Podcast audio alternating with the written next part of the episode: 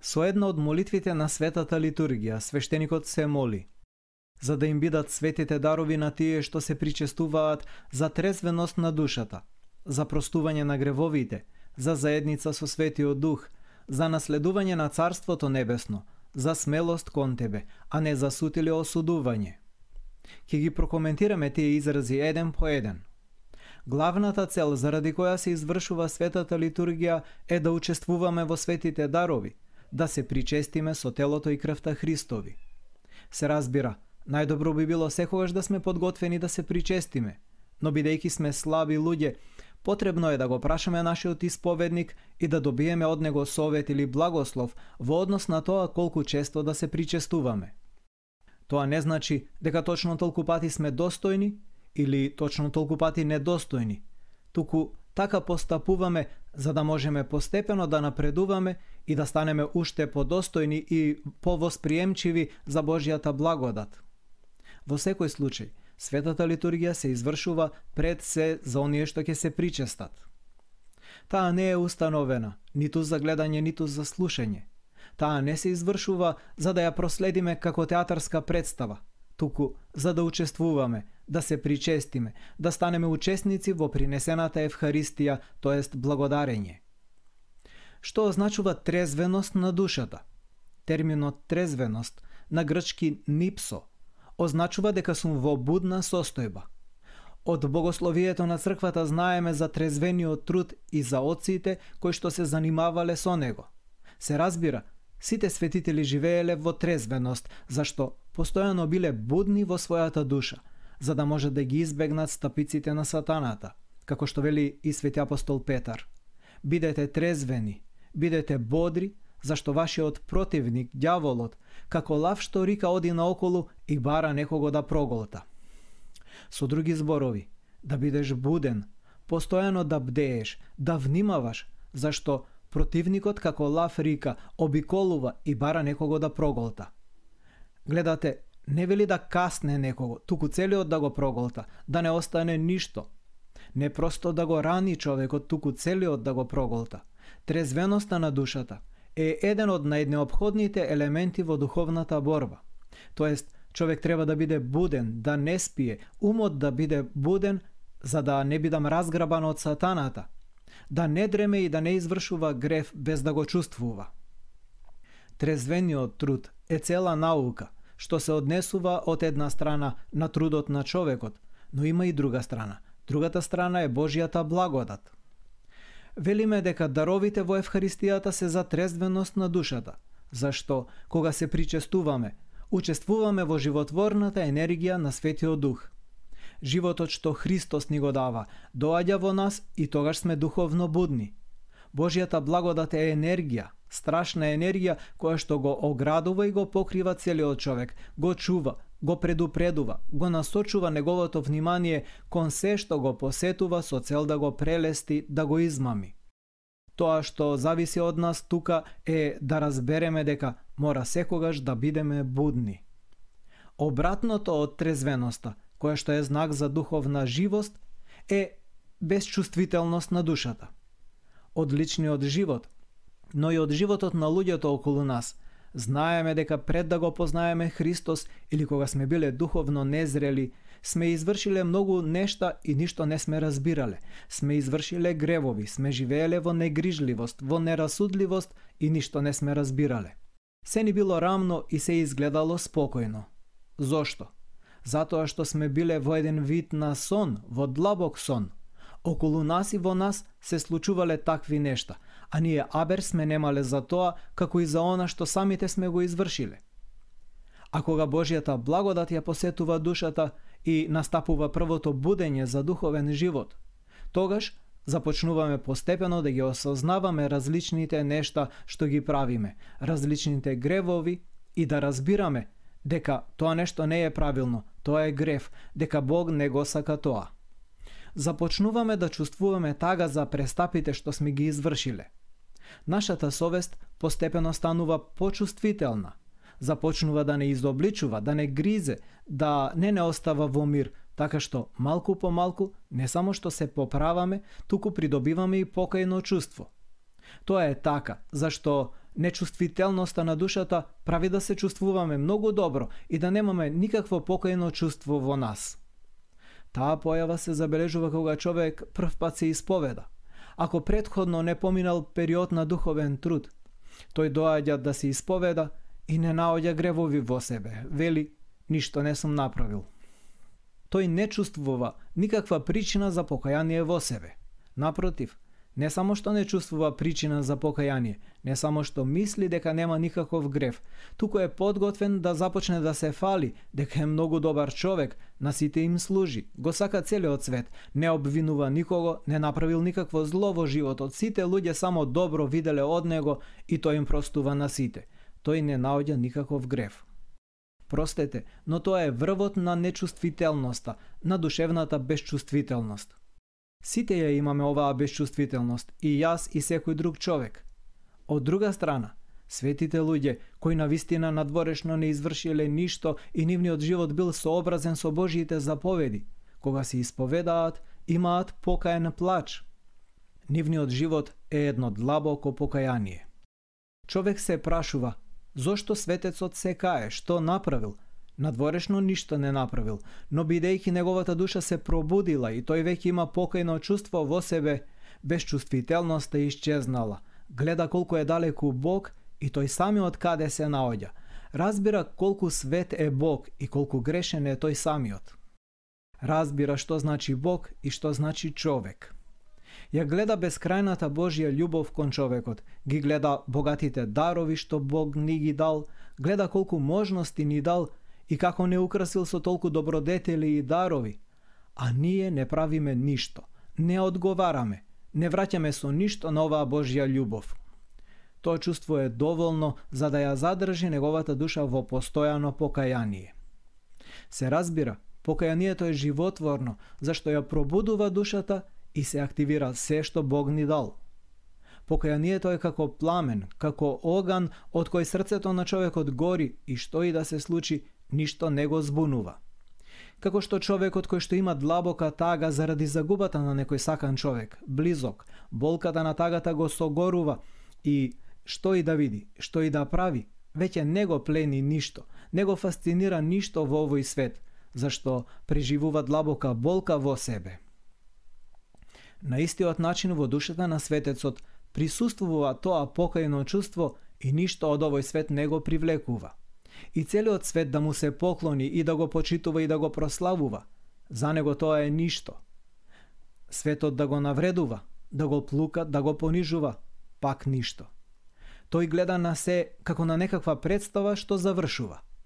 Божите луѓе не се само залажуваат, зашто нивното покаяние им помага да имаат трезвеност, да бидат будни, да ги просудуваат, да ги анализираат нештата. Затоа рековме дека светците биле многу умни луѓе, зашто наликуваат на стрелец кој ниша мета и не се расејува со празни разговори, туку гледа точно во целта и погодува. Нечувствителноста, која што не покрива сите нас, е рожба од погазувањето на Божите заповеди. Кога ги престапуваме Божите заповеди и не се каеме, а го повторуваме тоа, тогаш Гревот станува сличен на пила што постојано ја сече острината на совеста, ја затапува и потоа таа станува толку затапена, што човек не може да свати ништо. Постојаното прекршување на Божите заповеди води до безчувствителност или умртвување на срцето. И тука е потребно чудо за да може човек да воскресне. Поголемо чудо е да воскресне мртва душа, потоната во, см во смрт и гревови, отколку да воскресне биолошки мртов човек. Бог се интересира воглавно од воскресението на нашата душа. Секој ден го гледаме тоа во црквата.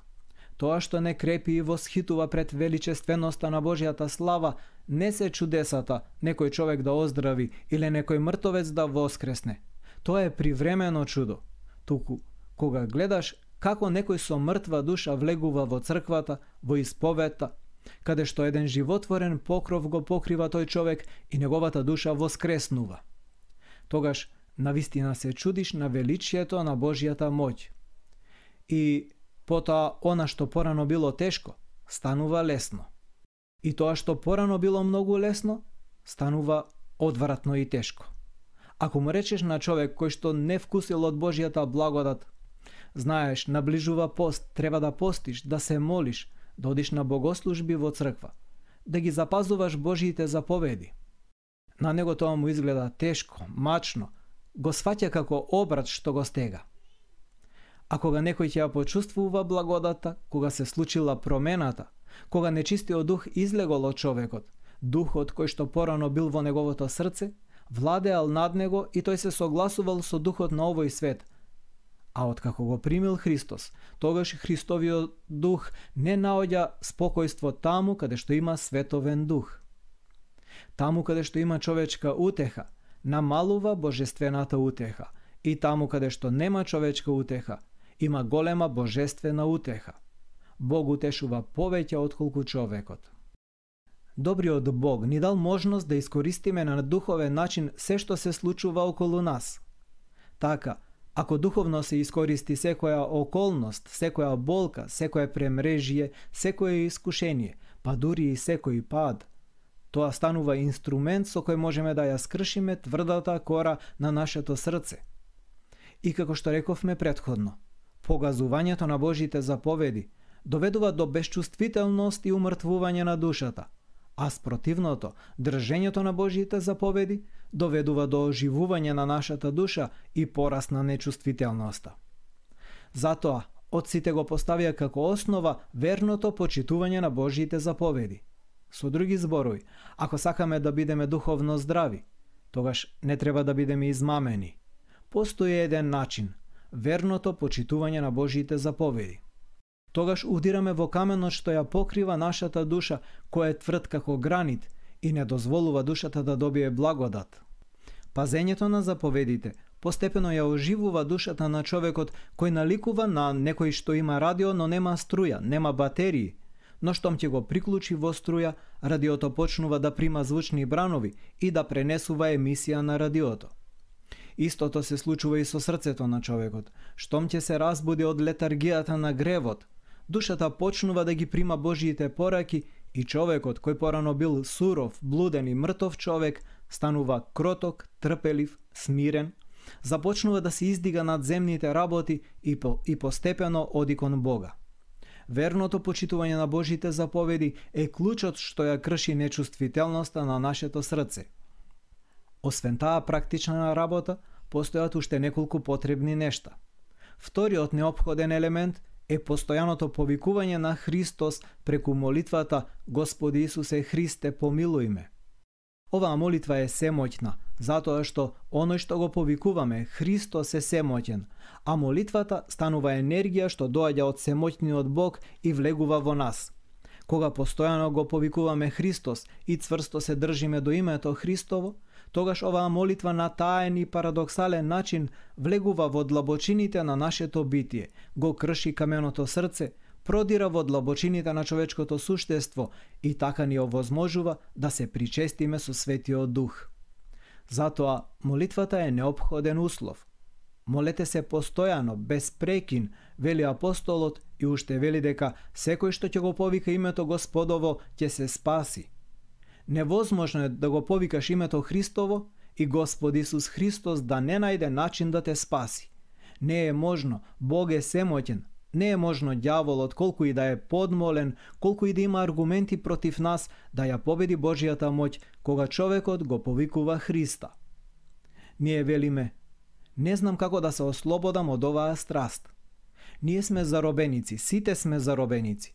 Кој овде може да се пофали дека е слободен, ниту јас, ниту некој друг? Мислам дека за жал ние сме робови на гревот, заробеници.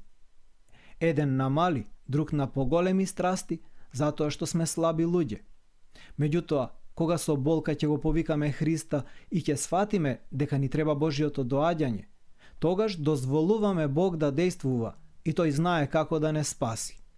Доволно е само смирено да се оставиме себе во Божиите раце. И Бог има многу начини. Како лекар, кога треба да лекува некого, тој не го жали, туку го сече, го шие, му става инекции. Во некоја смисла, го мачи и не му е жал, затоа што ако го жали, нема да го излекува. Така, во нашите очи се чини дека добриот лекар Бог не не жали. И некои луѓе велат, Боже, зарем не ти е жал за мене, колку маки трпам. Тука сме како деца кои не ја разбираат Божијата медицинска интервенција.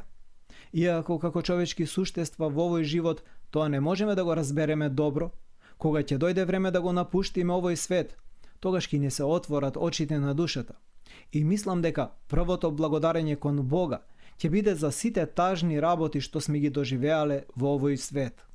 Ние ќе му благодариме на Бога за сите таги, за целата болка, за сите тешкоти и низ кои сме поминале, бидејќи најголемиот лек што ја олеснува човечката душа и ја отстранува безчувствителноста е болката, тагата, искушенијата. Тој лек е лекот на нашето време и во сите епохи, но особено денес – колку болка има во светот, колку таги, колку искушенија, колку тешкотии, навистина многу тешкотии. Скоро и да нема дом и семејство што нема свој крст. Ние мора да научиме да го носиме нашиот крст со трпеливост. Тагите можат да бидат добротворни. Од после овие таги даваат сладка утеха и радост длабоко во срцето на човекот. Времето на големи таги е време и на голема утеха од Бога. Затоа, светите кои биле мудри и разумни, не прифаќале никаква човечка утеха, за да не ја намалат божествената утеха. Верното чување на Божите заповеди, постојаната молитва, тагата и искушенијата се горчливите лекови што го разбиваат каменото срце на човекот. Потоа, кога некоја вложува и собствената слобода – доаѓа благодатта што влегува низ тие отвори на душата и човечкото срце станува исклучително чувствително. Мислам дека нема поголема чувствителност од чувствителноста на светците. Светите учествуваат во болката на целото создание, на целиот свет, страдаат, тагуваат, боледуваат, не на, неко, не на некаков болен емоционален начин, туку на духовен начин, на целосен начин, зајакнувани од благодатта на Светиот Дух. Тие учествуваат во сечовечката болка и така молитвата станува посрдечна, како и застапувањето и љубовта. Како што сите знаеме, се додека не доживееме болка, не можеме воопшто да разбереме ниту една личност. Кога некој доживува болка во својот живот, тогаш една нишка, една жица од неговата душа станува почувствителна. И кога ќе слушне, на пример, на вести на телевизија, дека во некоја куќа се случило нешто што тој самиот го претрапел, тоа ја допира таа жица и таа создава звук. Звук на сочувство, на молитва. И вели, Боже мој, утеши ги тие луѓе, тие родители, зашто ја знаеме болката што ја имаат. Ја доживеавме. Истото се случува и со светците.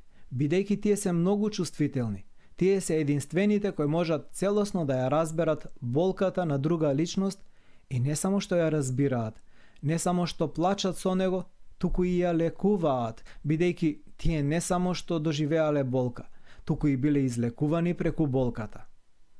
Така тие стануваат учители, учејки го другиот човек како преку болката да ја излекува својата ранета душа, и како болката да ја претвори во големо добротворство.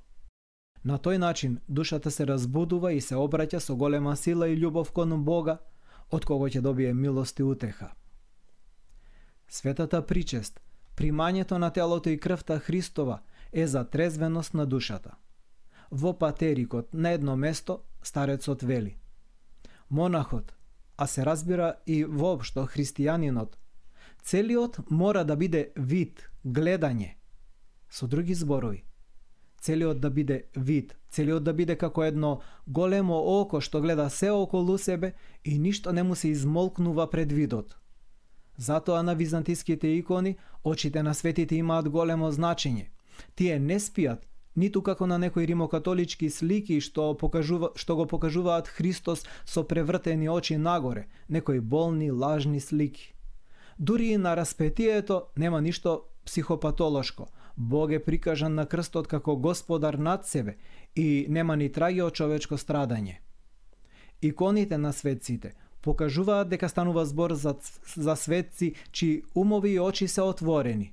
Тие наблюдуваат, гледаат, знаат ништо што се случува околу нив не им бега од вниманието. Затоа вниманието, трезвеноста, будноста се необходни елементи на духовната борба и затоа тука се вели дека во светата литургија трезвеноста е првиот дар од примање на светите тајни. Потоа се вели дека примањето на светите дарови е за простување на гревовите. Секој допир до Бога е момент во кој се простуваат гревовите. Сите таинства се за простување на гревовите. Целиот живот на црквата, целиот наш однос со Бога е за простување на гревовите. Дури и бракот е за простување на гревовите, и крштевањето, и, мир, и миропомазанието, и водосветот, се. Со други зборови, за да исчезне онаа плоча на гревот што ја покрива нашата душа, и нашата душа да може да го види Господ. Потоа во молитвата се вели за заедница со Твојот свет дух. Светата литургија е заситена со енергијата на Светиот Дух.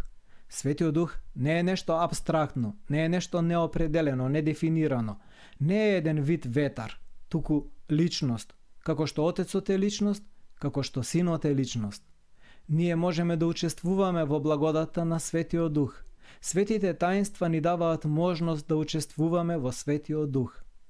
Светиот Дух е сила, енергија што влегува во нас кога струјата оди до светилката и таа свети, но ако струјата се прекине, таа се гаси. Така е и со нашата душа. Кога Светиот Дух действува, тој прави дело што се гледа.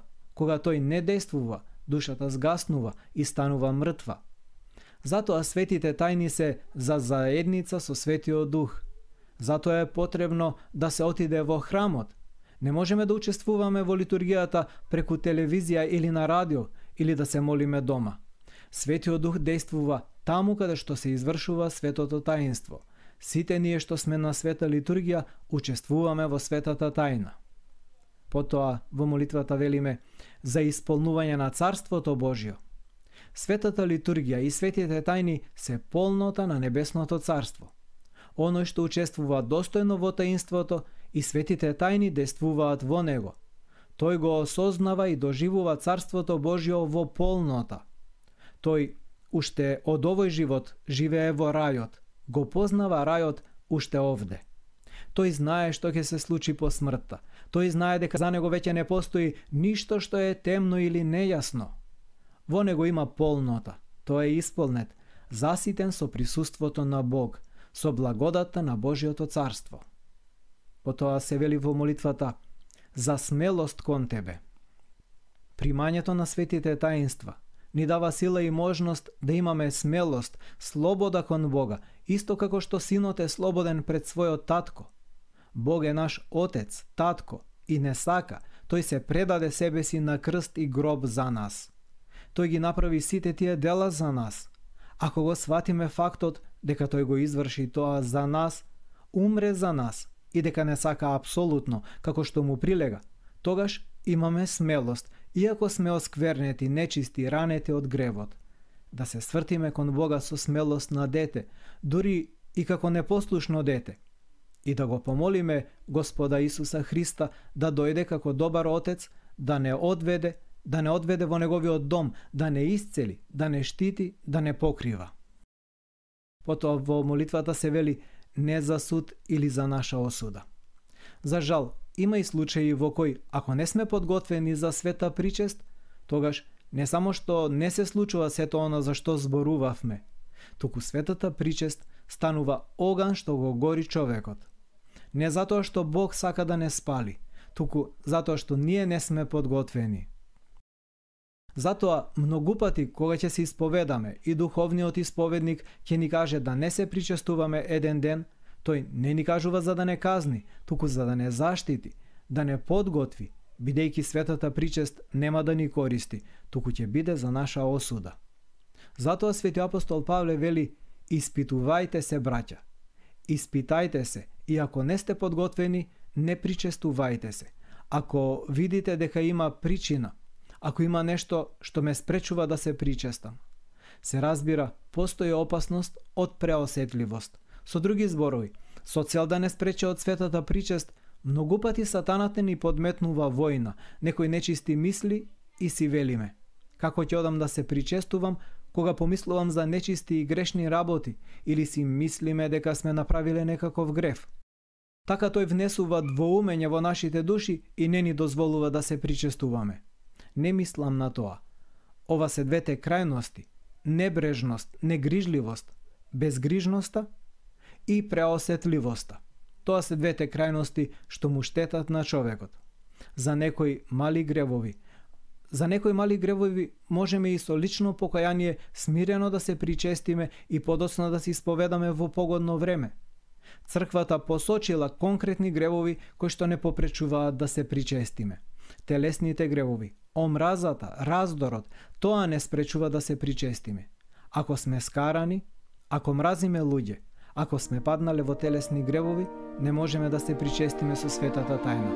Во таквите случаи, прво мора да се покаеме, да се исповедаме,